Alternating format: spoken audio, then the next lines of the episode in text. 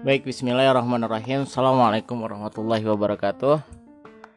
Beralih kepada soal selanjutnya yaitu jelaskan yang dimaksud dengan had kifayah dari kategori fakir dan miskin.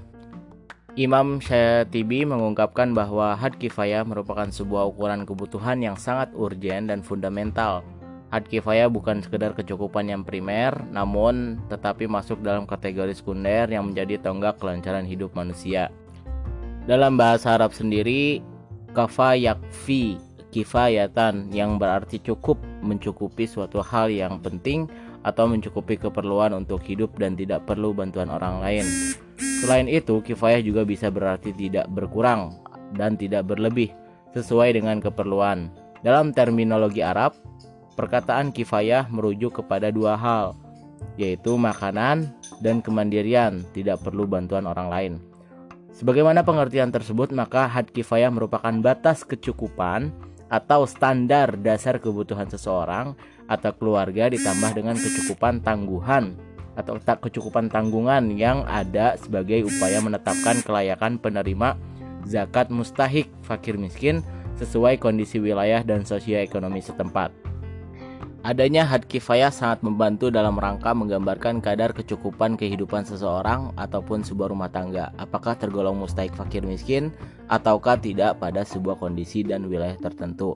Had kifayah zakat dapat berfungsi sebagai standar minimal untuk mengatur redistribusi pendapatan sehingga dapat mengurangi kemiskinan dan menyeimbangkan pertumbuhan ekonomi masyarakat kita.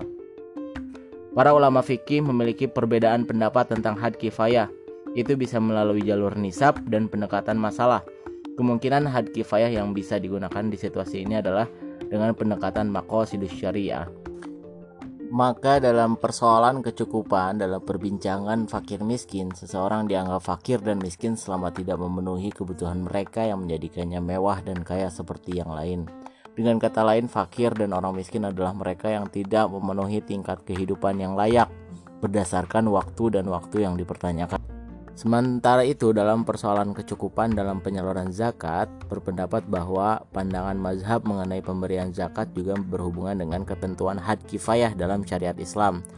Secara umumnya terdapat dua pendapat besar mengenai kadar penyaluran zakat terhadap golongan fakir dan miskin yang memerlukan. Pendapat pertama menurut mazhab Syafi'i yaitu merupakan pemberian yang mencukupi seumur hidup. Pemberian itu perlu bersifat penyelesaian kepada permasalahan kefakiran yang dihadapi oleh si fakir dan difokuskan kepada penyelesaian sehingga tidak memerlukan zakat lagi.